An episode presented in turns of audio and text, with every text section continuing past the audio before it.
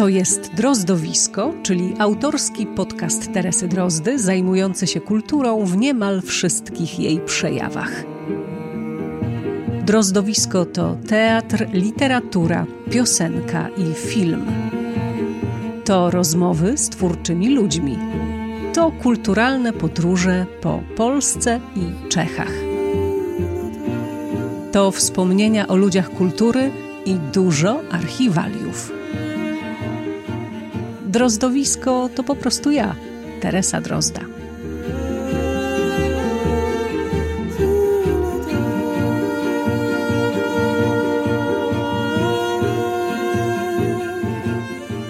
Dzień dobry wszystkim w Drozdowisku numer 29. Jeśli podobają się Wam moje audycje, nie wahajcie się mnie o tym poinformować. Koniecznie też opowiadajcie przyjaciołom, rodzinie, znajomym o takiej właśnie alternatywnej wersji radia. Po stokroć dziękuję też wszystkim moim patronom z serwisu patronite.pl za obecność i wsparcie. Bądźcie, bądźcie, bądźcie albo przybądźcie, jeśli jeszcze nie mieliście okazji, bo patronem zostać może każdy. Wszystkie pomocne linki są w opisie tego odcinka, ale też na YouTubie czy na przykład na moim profilu na Facebooku. No dobrze, to co? Możemy zaczynać. To jest drozdowisko, które e, dzisiaj wreszcie dotarło do swojego studia zewnętrznego, tak to nazwijmy. Nie wiem, czy to będzie bardzo dobre studio, bo tu ciągle są jacyś ludzie, e, a śmieje się właściciel owego studia, ponieważ jesteśmy, moi drodzy, w e, nowo otwartym antykwariacie Zakładka na warszawskiej Pradze, na ulicy Inżynierskiej, Inżynierskiej 1, a e, do mikrofonu zaprosiłam Marcina Gałąskę, który właśnie niedawno otworzył ten antykwariat. Witaj. Dzień dobry. Bardzo się cieszę z tego zaproszenia, bo lubię y, Twoją audycję. O, i, bardzo Ci dziękuję. I słucham tych podcastów już od dłuższego czasu.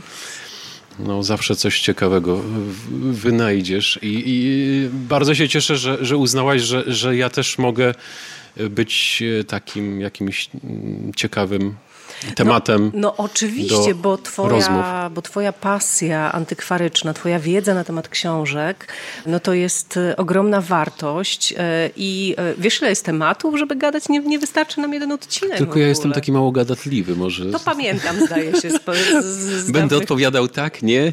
No nie, nie, aż tak, to nie, nie bądź aż taki. Dobra, dobra, postaram się. Skąd ci się to wzięło? To polowanie na stare książki, to szukanie starych książek, to kolegowanie się ze starymi książkami? Wiesz co, to w zasadzie już od dziecka e, pamiętam jakieś swoje pierwsze poszukiwania. To, to nie wiem, chyba byłem w czwartej klasie szkoły podstawowej, kiedy urządzałem sobie rundy po księgarniach i antykwariatach, e, bo wtedy złapałem e, taki mocny, no bardzo mi się spodobała seria z panem samochodzikiem. Chyba wszyscy no ba, e, w tym czy, wieku to, to czytali. I ja, ja sobie postanowiłem, że, że chcę, chcę uzbierać wszystkie części co nie było łatwe i, i, i, ruszałem właśnie w taką podróż do centrum miasta z Zacisza, gdzie mieszkałem. Pamiętam e, księgarnie na Nowym Świecie, które już nie istnieją, jakieś, jakieś antykwariaty. Tak Później oczywiście te zainteresowania no dobra, no ale odszuka, od, literackie mi się, mi się y, zmieniały, ale, ale zawsze lubiłem czytać i lubiłem też wyszukiwanie książek. To czytanie i to lubienie czytania to jest warunek dobrego, żeby być dobrym antykwariuszem? Nie, wydaje mi się, że niekoniecznie. Ale no, trudno mi sobie wyobrazić jakiegoś antykwariusza, który, który nie, nie lubi książek, nie lubi ich czytać. No, no nie wiem. No ja też nie Byłoby wiem. Byłoby to dziwne. Yy Poza tym. Dobra, ja myślę może też o księgarzach już dzisiaj, wiesz, tylko Aha. że nie o księgarzach, księgarzach, tylko pracownikach A, sklepów z książkami. No tak, to jest jakaś inna kategoria. Tak. Być może tutaj mi się to wszystko jakoś mhm. trochę ze sobą łączy. No, u mnie to było tak, że bardzo lubiłem czytać, więc zbierałem te książki, zbierałem, y, miałem ich coraz więcej. A później y, był taki moment w moim życiu, że y, po studiach miałem jakiś tam krótki czas, kiedy pracowałem e, w w jakichś instytucjach publicznych. Później straciłem tę pracę i, i, musiałem sobie tak na szybko coś. No, Wymyślić jakiś pomysł, za, coś zarobić. I Aha. zacząłem sprzedawać książki, które miałem na półce u siebie w domu. I okazało się, że to jest no, no, łatwe i bardzo przyjemne. Mm, to było przez, przez, za pomocą e, tej platformy Allegro. Zaraz nas mogą tutaj zarzucić e, pytaniami ten, klienci Marcina. Wyłączę może tego bzykacza. Przez właśnie, Allegro? Właśnie mhm. jak, jak straciłem pracę, to tak, y, żeby cokolwiek zarobić, to zacząłem wyprzedawać y, swoje zbiory. Okazało się, że jest to przyjemny i fajny sposób y, na zarabianie pieniędzy i po jakimś czasie zarejestrowałem w ogóle działalność taką. Zaczynałem od ogłoszeń w jakichś lokalnych gazetkach na targówku. Że co, że kupię Ku, tak, tak, księgozbiory? Tak, kupię książki, proszę o kontakt. No i w ten sposób już od 15 lat mam zarejestrowaną działalność gospodarczą. Utrzymuję y, w ten sposób y, rodzinę. To Trójkę dzieci. To jest wspaniałe, że można w taki sposób, sprzedając stare książki, utrzymać rodzinę.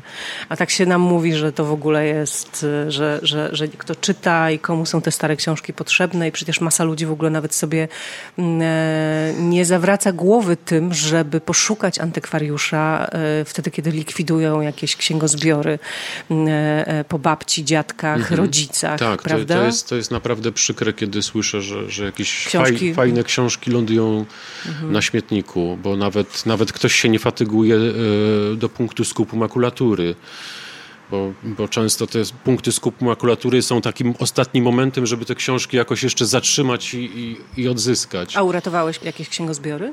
No czasem dostaję jakiś sygnał, że, że ktoś ma zamiar wyrzucić książki. No, wtedy, wtedy się pojawiam.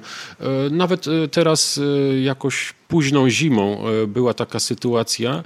Dostałem informację, że jest likwidowane mieszkanie po parze artystów, którzy mieszkali na Ursynowie i tam całe szczęście znalazła się jakaś grupa e, osób związanych e, z, z ASP, takich młodych ludzi, studentów, którzy tam e, no, zrobili taką akcję szybką, społeczną, bo w zasadzie był, był jeden dzień na, na, na mm, wyczyszczenie, wyczyszczenie tego, tego mieszkania, bo książek, następnego tak? dnia mhm. wchodziła już ekipa, która by to wszystko y, zmieliła na jakąś sieczkę, bo podobno tak się teraz to robi, żeby łatwiej było wynieść e, te niepotrzebne rzeczy, to je się od razu jakoś e, przemiela i wynosi w workach.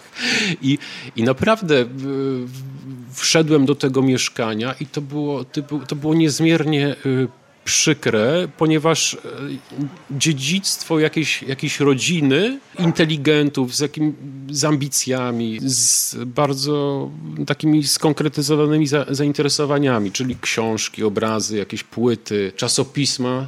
To wszystko miało być wyrzucone. Całe szczęście mi się udało trochę tych książek zabrać. Y, no, tak w ostatniej chwili. Po prostu no, no, widzę, przeżycie, przeżycie było no, duże. Widzę, trzęsiesz się cały, e, kiedy o tym opowiadasz. E, więcej miałeś takich przygód? W ogóle e, no, częst, opowiedz o przygodach, wiem, o przygodach wiem, antykwariusza. Jest nawet taki profil na, na Facebooku, jedzie śmieciareczka, coś takiego, czy jedzie śmieciarka i tam co chwila są po prostu mhm. wrzucane zdjęcia z kontenerami pełnymi no, jakichś naprawdę nie zawsze bardzo wartościowych, ale ale książek, które, które wylądowały mm, w kontenerze, bo ktoś odziedziczył mieszkanie, a wiadomo, że teraz mieszkanie to są miliony, a, a to, co w środku jest to, to jest obciążeniem, tak? No bo, bo, bo, bo to mieszkanie trzeba wyremontować, nie wiem, wynająć jak najszybciej. No niestety. Przez te 15 lat też trochę, e, że tak się wyrażę, wyprofilowałeś się, tak? I zakładka jest też tego trochę emanacją. To znaczy, mm, e, to nie jest tak, że z każdym księgozbiorem można do ciebie przyjść. No niestety prowadzę skup książek i mm, duża część osób, y, które y, chcą mi te książki sprzedać, oferuje no, tytuły trudne do, do sprzedania. Jak jeżdżę po mieszkaniach, to, to w wielu mieszkaniach te, te księgozbiory są bardzo podobne. Mm, to jest chyba dziedzictwo PRL-u, kiedy mm, pewne tytuły wychodziły w bardzo dużych nakładach i w zasadzie trafiały do każdego. Nie wiem, jakieś. Oczywiście najwięcej jest klasyki tej polskiej, XIX-wiecznej, nie wiem, dzieła Mickiewicza, dzieła, dzieła nie wiem, Prusa, Żeromskiego. Y, Kraszewskiego. Tego jest tak dużo, a nie spotykam się raczej z klientami, którzy by, nie wiem, marzyli o przeczytaniu kolejnej książki Kraszewskiego. Jeszcze w takim jakimś bardzo starym wydaniu tak, na przykład, więc, prawda? więc no niestety takich, takich książek nie kupuję i one nie cieszą się jakimś zainteresowaniem. Na pewno jest y, w antykwariacie duże zainteresowanie klasyką taką światową taką klasyką klasyki, jak ja to mówię. Czyli? Czyli na przykład Dostojewski, Kafka, hmm. Joyce, mm, Mann, Proust, czyli ambitne dzieła, które, które no, historia zweryfikowała i, i one wiadomo, że, że nie są takimi arcydziełami jednego sezonu, jak mhm, teraz, jak, jak teraz w Empiku, nie wiem, ciągle słyszymy o odkryciu sezonu, o książce roku, no to, to, to Zamek Kawki, czy, czy nie wiem, Bracia Karamazow Dostojewskiego, to są, to są dzieła, które są czytane przez pokolenia od lat i wiadomo, że to jest to po prostu dobra literatura, a takiej dobrej literatury brakuje w księgarniach, więc ludzie szukają tego w antykwariacie. Mhm. Także chcę mieć u siebie dobrą ofertę z tą klasyką światową.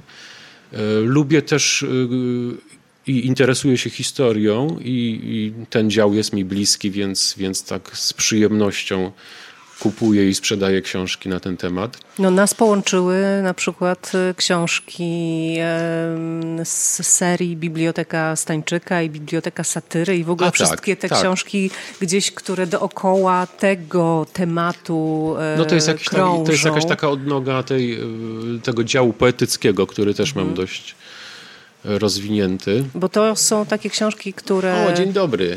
Dzień dobry. Dzień dobry. Co dobrego, panie Marcinie? No, najlepsze jest to, że w końcu mi się udało otworzyć ten antykwariat. Pan tylko tu jest, czy z kimś jeszcze? Jestem sam.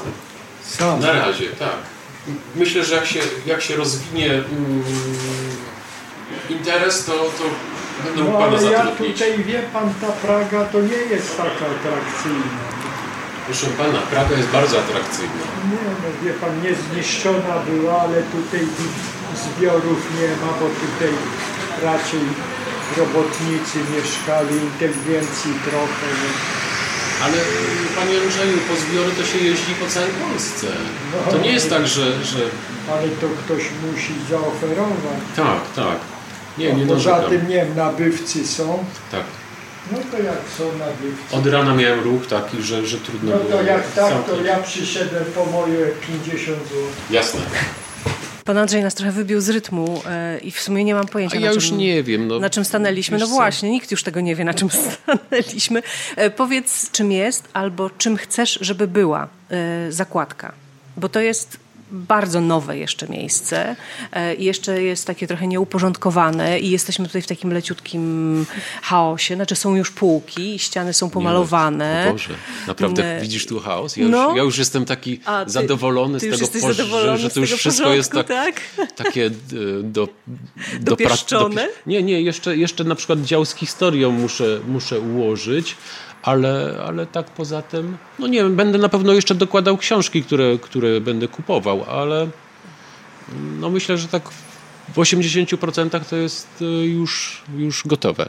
Ponieważ wszędzie ale leżą, wiesz co, wiesz ale... co, bo wszędzie leżą książki e, w stertach. A nie, no to, no, no to ja myślę, że w antykwariacie tak powinno być, żeby Aha. tych książek był nadmiar. Czym chcesz, żeby była zakładka? Wiesz co, myślę, że to no, chciałbym, żeby, żeby to było takie żywe miejsce, do którego przychodzą ludzie nie tylko kupić książkę, E, ale też, nie wiem, porozmawiać, e, ponieważ uważam, że antykwariat to nie jest tylko skup i sprzedaż książek, tylko to jest coś więcej. To, to jest po prostu miejsce spotkań. I jestem bardzo zadowolony z tego lokalu, na inżynierskiej, bo tak, po pierwsze jest witryna tutaj, mhm. która przyciąga ludzi i, i często jest tak, że ktoś po prostu idzie sobie ulicą, widzi jakiś y, tytuł i wchodzi. No, ja tak zawsze go robię. kupić, tak. No, to, jest, to jest no to... niezmiernie takie przyciągające. Książki na a jak, a jak, oknie to jest a jak w ogóle kupuję baza. jeden tytuł, to od razu jest y, temat do rozmowy. Można, można się dowiedzieć, czym się ktoś interesuje, czego, czego szuka. Poza tym bardzo podoba mi się ta, ta lokalizacja, bo tu mieszka dużo, dużo ciekawych y, osób. Albo mieszka, albo pracuje. Jest to, to trochę takie zagłębie, takie artystyczne, trochę takich, jest też takich frików artystów, dla których ich życie w zasadzie jest y, sztuką, tak? Y, może nie są to malarze, czy, czy rzeźbiarze, czy poeci, ale, ale, ale właśnie tacy poeci życia. Stachurowie. Tak, tak, trochę tak. Jest też jakiś taki klimat, y, który został tu zbudowany przez poprzednie instytucje, które tu działały, bo przede mną był tutaj Cafe Melon, bardzo dobrze wspominany E, przez e, Tutaj okolicznych, okolicznych mieszkańców. mieszkańców. A jeszcze przed Melonem była kultowa knajpa Ukrawca. Podobno była to pierwsza, pierwsza tego typu knajpa w ogóle na Pradze, gdzie właśnie przychodzili spędzać czas Hmm. Sztamgaści pewnie, jakbyśmy tak. powiedzieli e, po czesku. To A to, znaczy, to nie znam tego słowa. Sztamgast to taki ktoś, kto po prostu na swoim osiedlu ma swoją e, gospodę a, i do tej gospody aha. przychodzi i spędza w niej długie tak. godziny i e, jest zawsze w takich rzeczywiście prawdziwych praskich mhm, gospodach mhm. jest stół tylko dla sztamgastów, tam się nie siada i tam panowie na przykład przychodzą o godzinie, nie wiem, 16 albo 17, piją piwo piwo, gadają, grają w karty, w mariasza, mhm. Mm, no po prostu spędzają czas. No. Już, już y, wiem, że na pewno y, muszę zorganizować jakąś ławeczkę, czy przed. Tak? Przed, bo, mhm, bo przed bardzo, bardzo mnie męczą tutaj e, właśnie ci klienci, żeby, żeby coś takiego było, żeby można było sobie usiąść. E, A ten malutki mural tutaj, który nas wita z Kazimierzem Dejną, on tu był? Czy ty go namalowałeś? Nie, nie, to jest mural, który już tu był. Ma to związek z lokalem obok. Pan Szewc, który prowadzi tu działalność od no, od wieków, to jest wielkim kibicem Legii. I jak wejdziesz tam do środka, to w zasadzie to wygląda jak jakaś, jakaś sala pamięci i kultu klubu sportowego Legia, bo tam są proporczyki, naklejki jakieś. Zaraz wejdę. Tak, tak naprawdę wygląda to ciekawie. Także ten e, Kazimierz Dejna to sprawa sąsiada. W ogóle też okolica jest ciekawa tak historycznie, bo my jesteśmy tuż obok miejsca, gdzie stał, e, został w XIX wieku wybudowany dworzec petersburski i to było takie okno Rosji na Europę, a, a z kolei w drugą stronę okno tutaj Królestwa Polskiego na Rosję.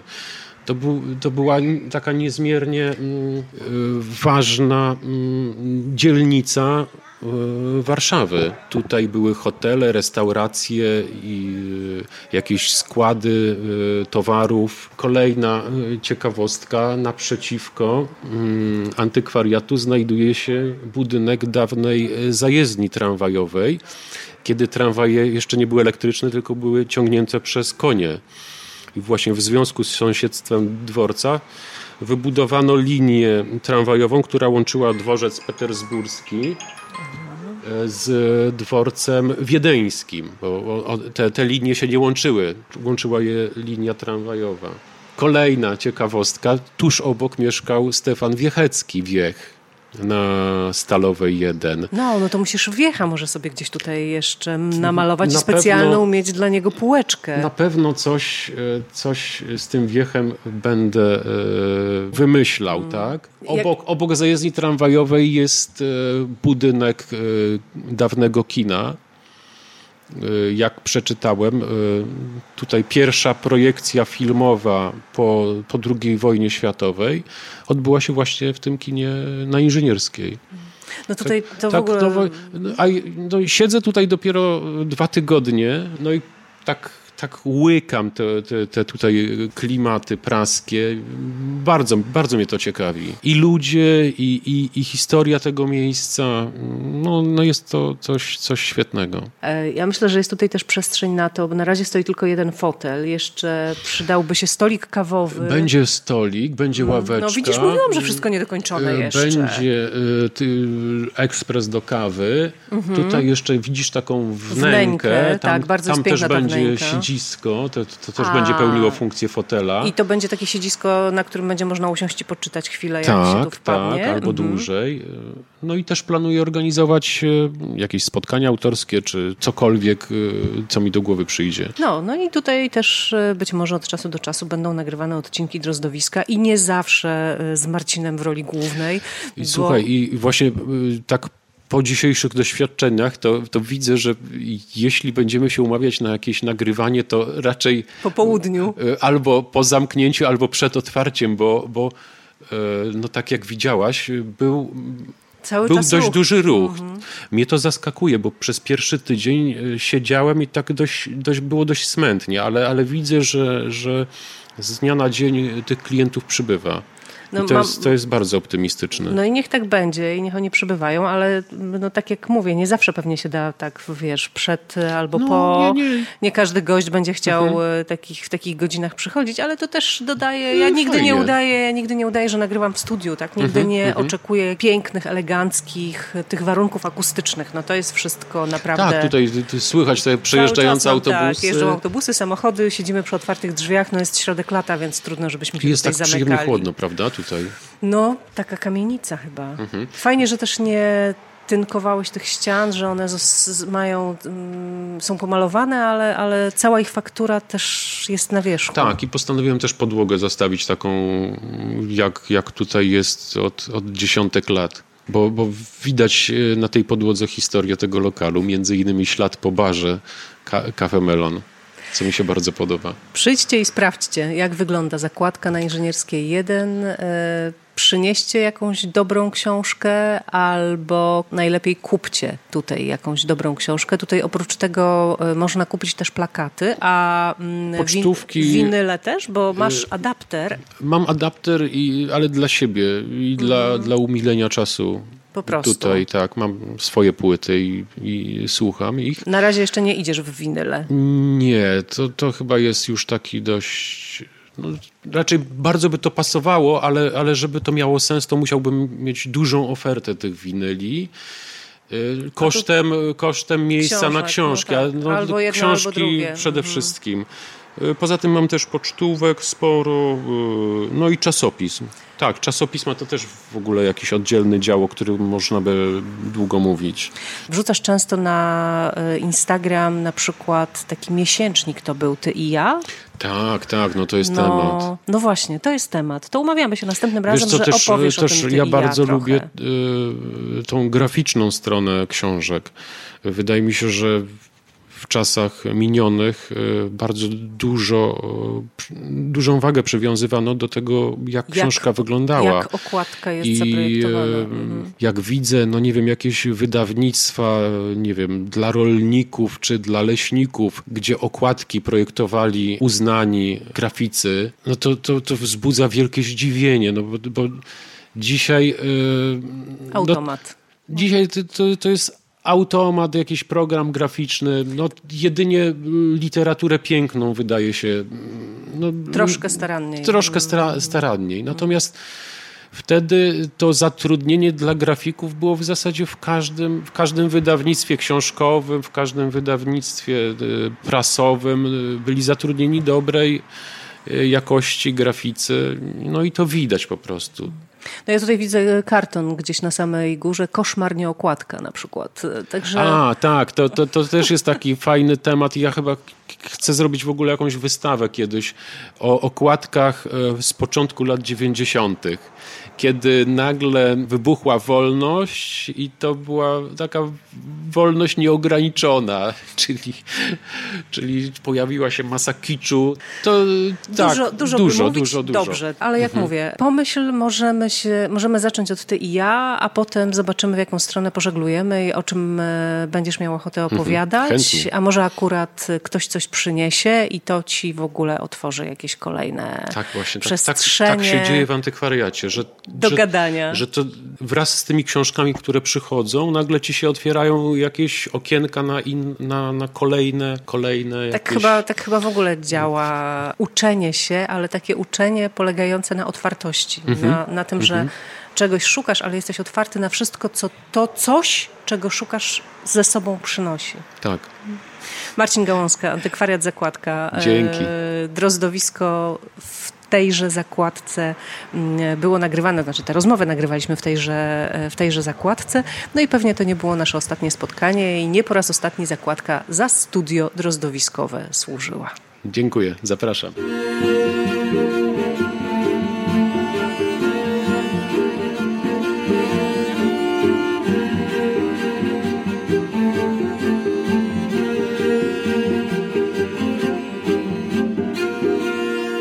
Rozmowę, którą teraz usłyszycie, przeprowadziłam na prośbę Teatru Ateneum i w wersji wideo znajdziecie ją na kanale YouTube'owym Teatru. No ale nie każdy lubi wideo, ja na przykład nie znoszę na siebie patrzeć, zatem umówiłam się z teatrem, że w Drozdowisku może ukazać się jej wersja audio. No i czas najwyższy, bo nowy sezon Teatr Ateneum rozpoczyna 3 września. Artur Tyszkiewicz, e, od 1 września 2021 roku dyrektor Teatru Ateneum. Witam, dzień dobry panie Arturze. Dzień dobry, witam. E, ale dyrektor naczelny czy artystyczny? Czy tak można powiedzieć dwa w jednym, o tak bym to określił.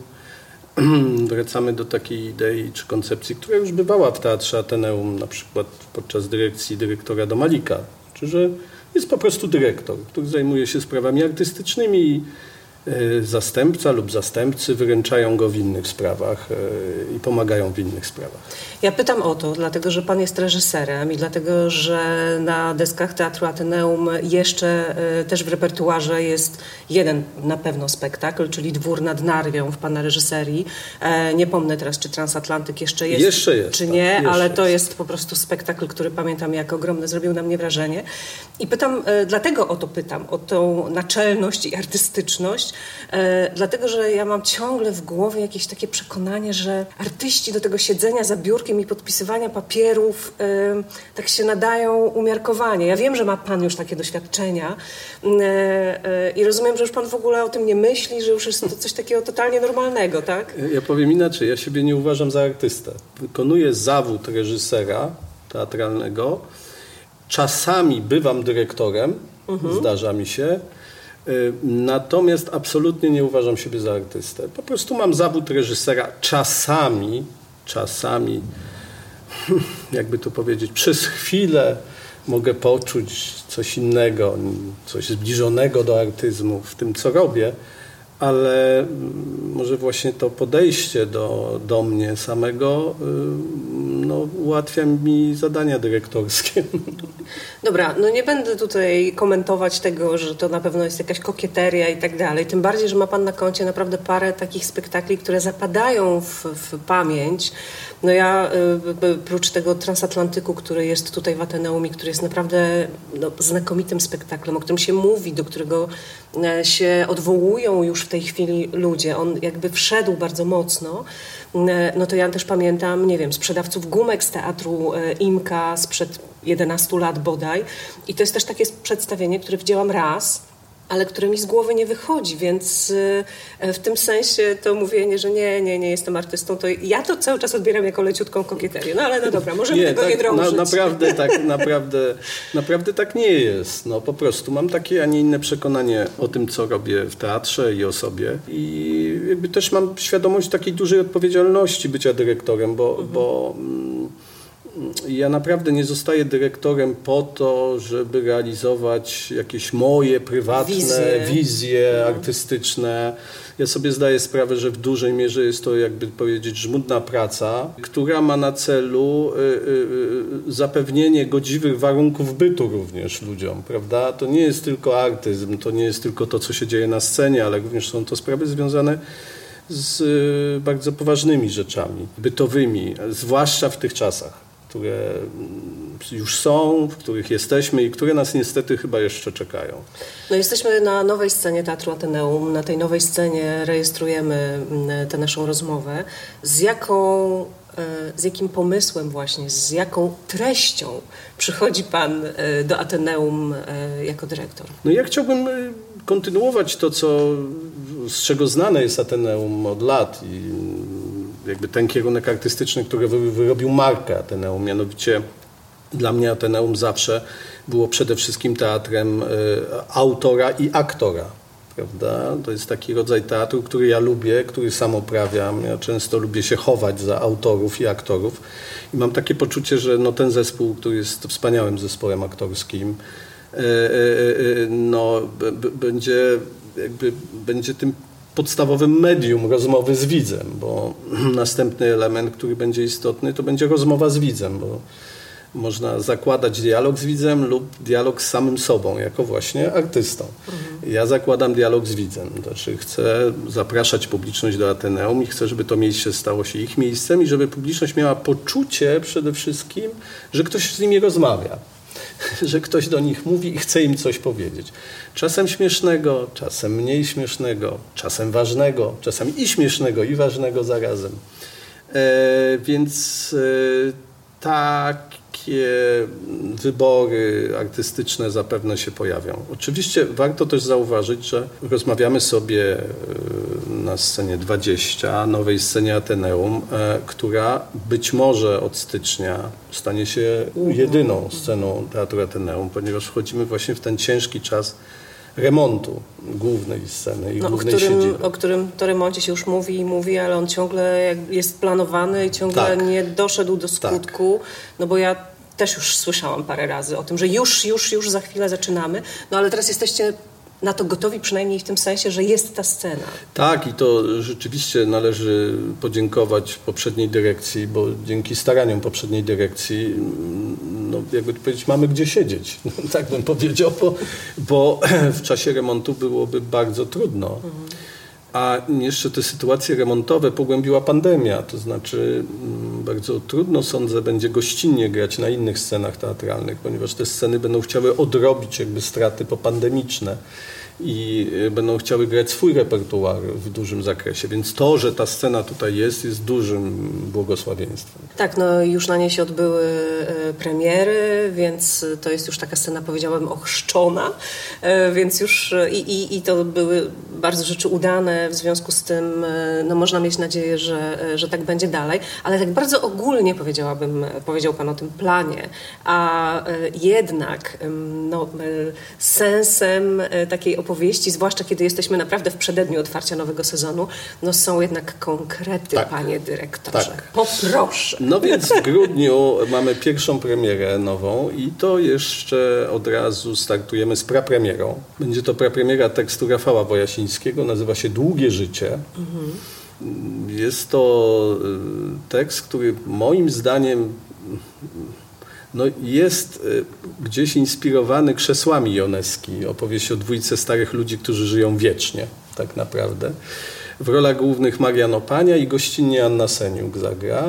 Towarzyszą im Bartek Nowosielski i Olga Szarzyńska. I to premierę mamy, pierwszą premierę mamy w grudniu. I to będzie też tutaj, tak? Na tak, tak, tak, tak. To tak, znaczy wszystkie premiery planujemy już, już tutaj. Mhm. E, tak, no bo mm, robienie premiery w tamtych warunkach, potem przystosowywanie jej do tych warunków, które no są zbliżone, ale jednak inne. Jasne. E, no, troszeczkę szkoda, tej, się... szkoda pracy i energii, tak, prawda? Tak, tak, tak, mhm. tak, tak. E, więc tutaj no to, to... Potem wejdzie Piotr Tajczak. Trwają jeszcze ustalenia tekstu, więc nie mogę powiedzieć z czym, ale rozmawiamy na ten no dobra, temat. a Rafał Jasiński to w reżyserii? A w reżyserii oczywiście Waldemar Modestowicz będzie reżyserował, który y, jest znany bardziej jako rewelacyjny reżyser radiowy i dubbingowy.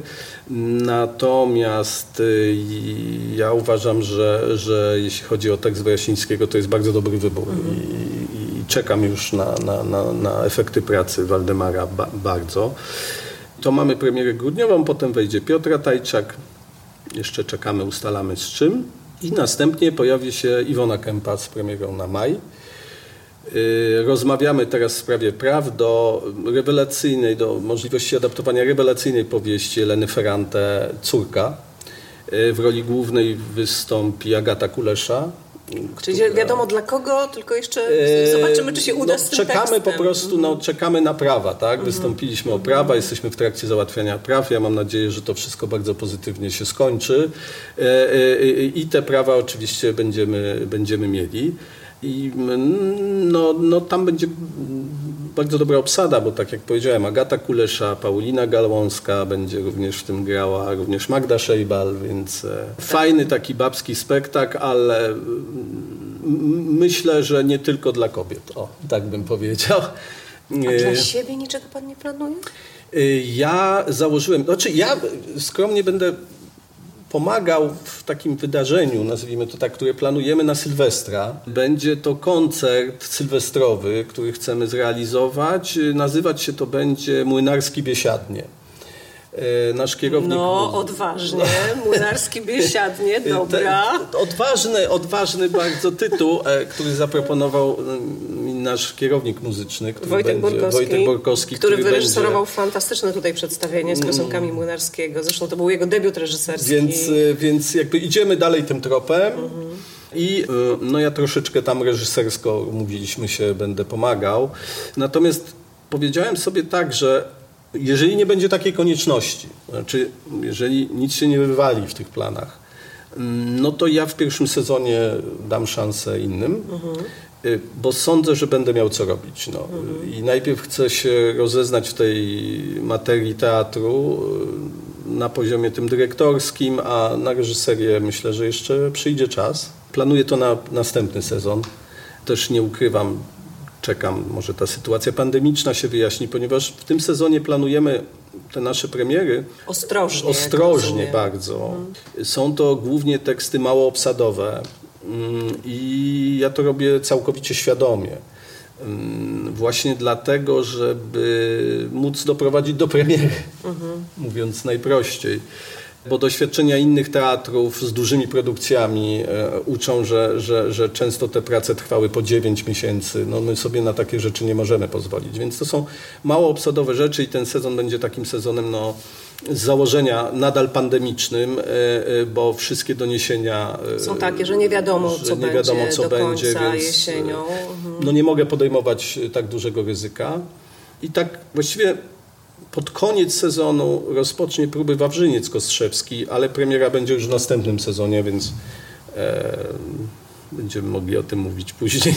No dobrze, okej, okay, nie, no ja też nie chcę jakoś tutaj strasznie naciskać. Bardziej, e, bardziej mnie interesowało to, w, jaką stronę pan pójdzie, no bo też patrzę na to, na rzeczy, które pan e, reżyserował i to jest jednak ciągle poruszanie się w kręgu tej litera współczesnej literatury dramatycznej, jakkolwiek nazywamy współczesnym jednak dramaturgiem, nie wiem, Mrożka czy Gombrowicza, mhm. no może Szekspira trochę mniej, tego Szekspira też pan parę razy robił. Tak. I to są E, i to są też takie, powiedziałabym, rzeczy, które ciągle rezonują, to znaczy, które ciągle się tam gdzieś e, odzywają i sięganie dzisiaj czy po Mrożka, czy po, po Gombrowicza wydaje się nieomalże oczywistością, prawda? Mm, a jednocześnie no, powstaje e, masa rzeczy zupełnie now, na nowo pisanych, zupełnie współczesnych i też takich, na które no, trzeba mieć oko i, i Ateneum zawsze to oko miało i trochę to, o czym Pan mówi tutaj, no to wszystko potwierdza. Tak, bo, bo no właśnie to jest ważne, jakie się robi założenie podstawowe. Tak? To, to troszeczkę tak, jak się reżyseruje spektakl, to uczone, uczyli mnie moi mistrzowie zawodu, e, uczyli mnie, żeby zawsze umieć powiedzieć w jednym zdaniu, o czym to ma być. Mhm. W jednym zdaniu, mhm. o czym to ma być. I tutaj podobnie, to znaczy jeżeli my zakładamy dialog z publicznością, no to automatycznie dobieramy i, i tak reżyserów współpracujących i, e, i, i teksty i autorów, które ten dialog umożliwiają. Mm, e, dlatego no, w tym pierwszym sezonie, myślę, że i w następnych, no, nie pojawiają się reżyserzy, którzy e, z założenia i mają do tego prawo nie zakładają dialogu z publicznością, tylko dialog jakby ze swoimi wizjami, ze swoim rodzajem teatru, widzenia świata i tak dalej, i tak.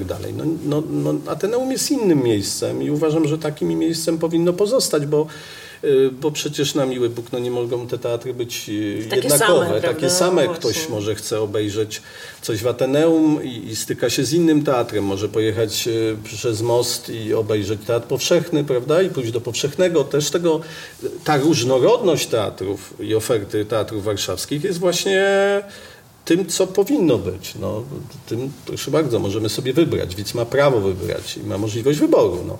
No, uważam, że Ateneum powinno trzymać jednak poziom takiego teatru literackiego, opartego na literaturze, tak jak mówię, o autorze, aktorze, Aktorze. aktorze, no i, Bo pan taki- jest zwolennikiem takiego właśnie teatru, który jest teatrem e, repertuarowym, ale też w tym sensie, że jest tym teatrem zespołowym, że jest teatrem zespołem. Ja tutaj miałam okazję w tym minionym pandemicznym sezonie parę razy wejść za kulisy i mm, rozmawiać z mm, aktorami i z tymi e, już, którzy są tutaj lat naście czy dziesiąt i z tymi, którzy są tutaj kilka sezonów i oni wszyscy mówią jednym głosem. To jest coś w ogóle nies, nies, niesłychanego. Jak oni są też ze sobą zżyci i związani. To jest, ja myślę, y, wielka wartość. Tak, no y, też mi powtarzano i byłem tego świadkiem, bo terminowałem w Teatrze Współczesnym w Warszawie pod okiem Erwina Aksera i Macieja Englerta i obserwowałem, jak to wygląda od kulis. I zawsze mi mawiano, że taki zespół teatralny w takim właśnie rozumieniu, jakim pani mówi, jest y, takim odzwierciedleniem struktury rodzinnej. To znaczy, w której są dziadkowie, wielopokoleniowej rodziny, w której są dziadkowie, ojcowie, dzieci, prawda, i to, mm, i to troszkę tak funkcjonuje, tak, którzy nawzajem ze sobą rozmawiają, uczą się, prawda, i to, i to y, młodsi od starszych, również nie tylko zawodu, ale pewnej tradycji teatru, anegdot, co też jest bardzo istotne. No. Bo umówmy się, że teatr żyje nie tylko Na scenie. na scenie i jakby pracą związaną ze sceną, ale ja uważam przynajmniej, że teatr żyje też w anegdocie i przekazywanie tych anegdot z pokolenia na pokolenie jest pewną taką niepisaną tradycją, którą ja bardzo lubię i, e, i to, z tym w Ateneum mamy do czynienia no, to, i ja to bardzo cenię. E, no. Czyli tak, Tak. jest pan zwolennikiem, Tak, jestem zwolennikiem, takiego tak. właśnie mm, teatru i to będzie chciał pan zachować. Ponieważ no, ja uważam, że to jest wartość Ateneum wielka i że to jest też jedna z tych rzeczy, które wyróżniają Ateneum, e, mimo że oczywiście w Warszawie jest więcej takich teatrów, ale jednak e, jeśli myślę zespół, to myślę o trzech teatrach może w Warszawie. I Ateneum jest w tej trójce niewątpliwie. E, I ja myślę, że to jest rodzaj no, takiej wartości, którą też trzeba ochronić, chociaż bardzo dużo, e, bardzo duża część świata nam mówi, nie, nie, nie, to już jest coś strasznie starego, to już jest passé, na to już nie ma w ogóle przestrzeni w dzisiejszej rzeczywistości. Na tego jakby rodzaju instytucje rozumianą właśnie w taki sposób, że mamy ten zespół, mamy. No. Tak, to, ale to też ym, troszeczkę jest, jest tak, że czasy się zmieniają, bo ja ym, tak. rozmawiałem z, z dyrektorami dużo starszymi ode mnie, y, którzy mi uświadomili jedną rzecz, że ta zespo, zespołowość taka ścisła, o jakiej tu rozmawiamy, e, ona miała miejsce w czasach, w których możliwości pracy dla aktorów były bardzo małe. A czy tak naprawdę można było pracować w teatrze i to było najważniejsze dla wszystkich aktorów. E, Po czym no, rz- rzadko zdarzał się film lub Trochę w radiu, Trochę w tak. radiu no, natomiast w dzisiejszych czasach te możliwości są nieporównywalnie większe i teatr zaczyna mieć coraz, dużą, coraz większą konkurencję postaci różnych seriali, których jest masę. No tak, i tam jednak pieniądze są zupełnie inne. I pieniądze są zupełnie inne. I na przykład proszę zauważyć, że teraz e, bardzo ciężko jest pozyskać do teatru aktorów o takich, bym powiedział, bardzo mocnych, głośnych nazwiskach. Ponieważ oni po prostu nie mają czasu, żeby grać w teatrze. A też i troszeczkę im się to nie opłaca finansowo. W związku z tym te dwie rzeczy, brak czasu plus niekonkurencyjność finansowa teatru, powoduje, że w teatrze grają tylko ci, którzy teatr bardzo kochają nie mogą, nadal czują potrzebę więzi z teatrem, I, e, no, i, no i nie ma takich już afiszy teatralnych, jakie były kiedyś, prawda, że, że od najmniejszej roli do największej same nazwiska, same nazwiska prawda? mocne, wielkie. I... No tak, no ale tutaj też jest Pana rola, żeby z jednej strony nie ograniczać e, swoich aktorów. Ma Pan tu parę gwiazd w tym teatrze oraz parę gwiazd wschodzących E, no a z drugiej strony, mm, czyli dać im trochę tego powietrza, żeby oni mogli gdzieś, tak. a jednocześnie, tak. żeby chcieli e, grać. Tak, tak, no to jest sprawa takiej, jakby to powiedzieć... Ale też rozumiem, że to jest coś oczywistego, to, jest, tak? to nie jest coś przeciwko czemu pan się Nie, buntuje. absolutnie, to ja, ja to, to jest człowiek rozsądny, racjonalny, za takiego się uważam, y, w momencie, kiedy zastaje daną rzeczywistość, to może chcieć albo ją rozwalić i zmieniać, myślę, że to jest głupia postawa, albo ją zaakceptować w sposób racjonalny. Więc to, co powiedziałem, y, jest tylko wyrazem mojej akceptacji takiego stanu. To znaczy, tak jest, było inaczej, teraz jest tak, inaczej nie będzie. W związku z tym, w tych warunkach, które są, jednak chcę dać możliwość jakby pracy aktorom nie tylko w teatrze, ale również y, jakby dać możliwość pozostania w teatrze, prawda? I, i, i, jakby współpracy cały czas z teatrem. Więc no, to wymaga takiej mądrej, jakby to powiedzieć, polityki. No i, no i też planowania bardzo. I planowania z dużym wyprzedzeniem pewnych tak. rzeczy dalekosiężnego, tak żeby mogli, moglibyśmy się umówić na pewne rzeczy, żeby też aktorzy wiedzieli, w jakiej części będą zajęci w teatrze, a w jakiej mogą być poza teatrem i sobie to planować. Mhm. E, czy jest jeszcze coś, e, co chciałby Pan powiedzieć, e, obejmując te, oficjalnie obejmując tę swoją funkcję? Bo rozumiem, że pewnie czas na jakieś takie, nie wiem, indywidualne rozmowy z artystami, z zespołem, z całym zespołem, nie tylko zespołem artystycznym, na to przyjdzie jeszcze czas. Też myślę, że pewnie nie, no, nie, nie przychodzi Pan tutaj jako obcy człowiek, tak? Nie przychodzi Pan tutaj jako ktoś, kogo oni nie znają i Pan ich też już e, e, zna, bo tych parę e, inscenizacji jednak było, nawet pomimo pewnych zmian pewnie, które nastąpiły. Ale czy jest jeszcze coś, o co ja nie zapytałam, a co jakoś jest istotne, co, na co chciałby Pan zwrócić uwagę? Nie, ja jestem, myślę, wydaje mi się, że nie. Po prostu ja nie jestem zwolennikiem mm, jakichś manifestów, deklaracji. rewolucji. Rewolucji, ale też takiego właśnie... Ja uważam, że naj, naj, najlepszym manifestem będę to, co będę robił, co uda mi się zrobić, nie co będę robił, co uda mi się mhm. zrobić. To jest najlepszy manifest. No tak, bo są plany, założenia. Są plany, a założenia, a to jest kwestia, no, mhm. każdy ma wspaniałe plany i podejrzewam, że wszyscy, którzy na przykład startują w konkursach na dyrektorów, mają wspaniałe plany zapisane w tych że, swoich programach. Całą sztuką jest e, umiejętność e, zrealizowania tych planów, więc ja nie tworzę manifestów, będę się starał rzetelnie pracować na rzecz e, Ateneum i publiczności Ateneum. I, e, no i może za jakiś czas się spotkamy i zobaczymy, co mi się udało zrobić.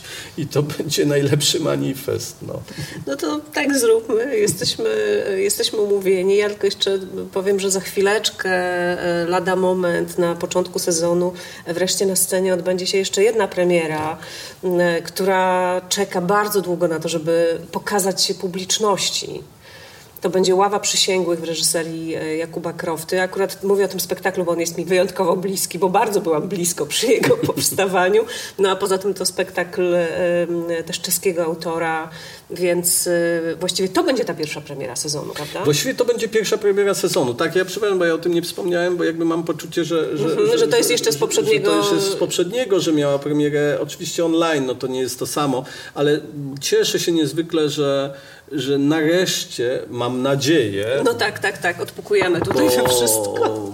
Trochę jeszcze jest czasu do tego momentu i nie wiemy, jak ta sytuacja pandemiczna się rozwinie, ale mam nadzieję, że uda się zrobić nareszcie premierę na żywo z publicznością tego, tego tekstu. I, i, i przyjeżdża reżyser, będzie sobie jeszcze pewnie coś tam korygował.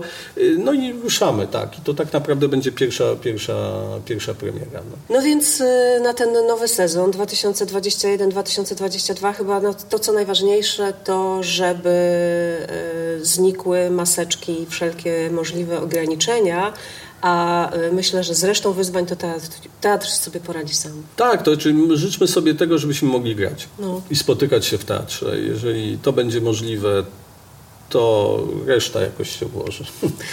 E, Artur Tyszkiewicz, dyrektor Teatru Ateneum, bardzo dziękuję. Dziękuję również za rozmowę, dziękuję i zapraszam Państwa do Ateneum. Koniecznie. Dziękuję i ja, a na premierę 30 Drozdowiska zapraszam 11 września. Potrzebuję chwili oddechu. Trzymajcie się. Jeśli podobał Ci się ten podcast, postaw mi kawę. Albo zostań jego patronem na dłużej. Odpowiednie linki znajdziesz w opisie. Oprawa muzyczna Dorota Barowa pod tytułem Drozdowisko. Jestem na YouTubie, Spotify'u, Google Podcasts i innych platformach.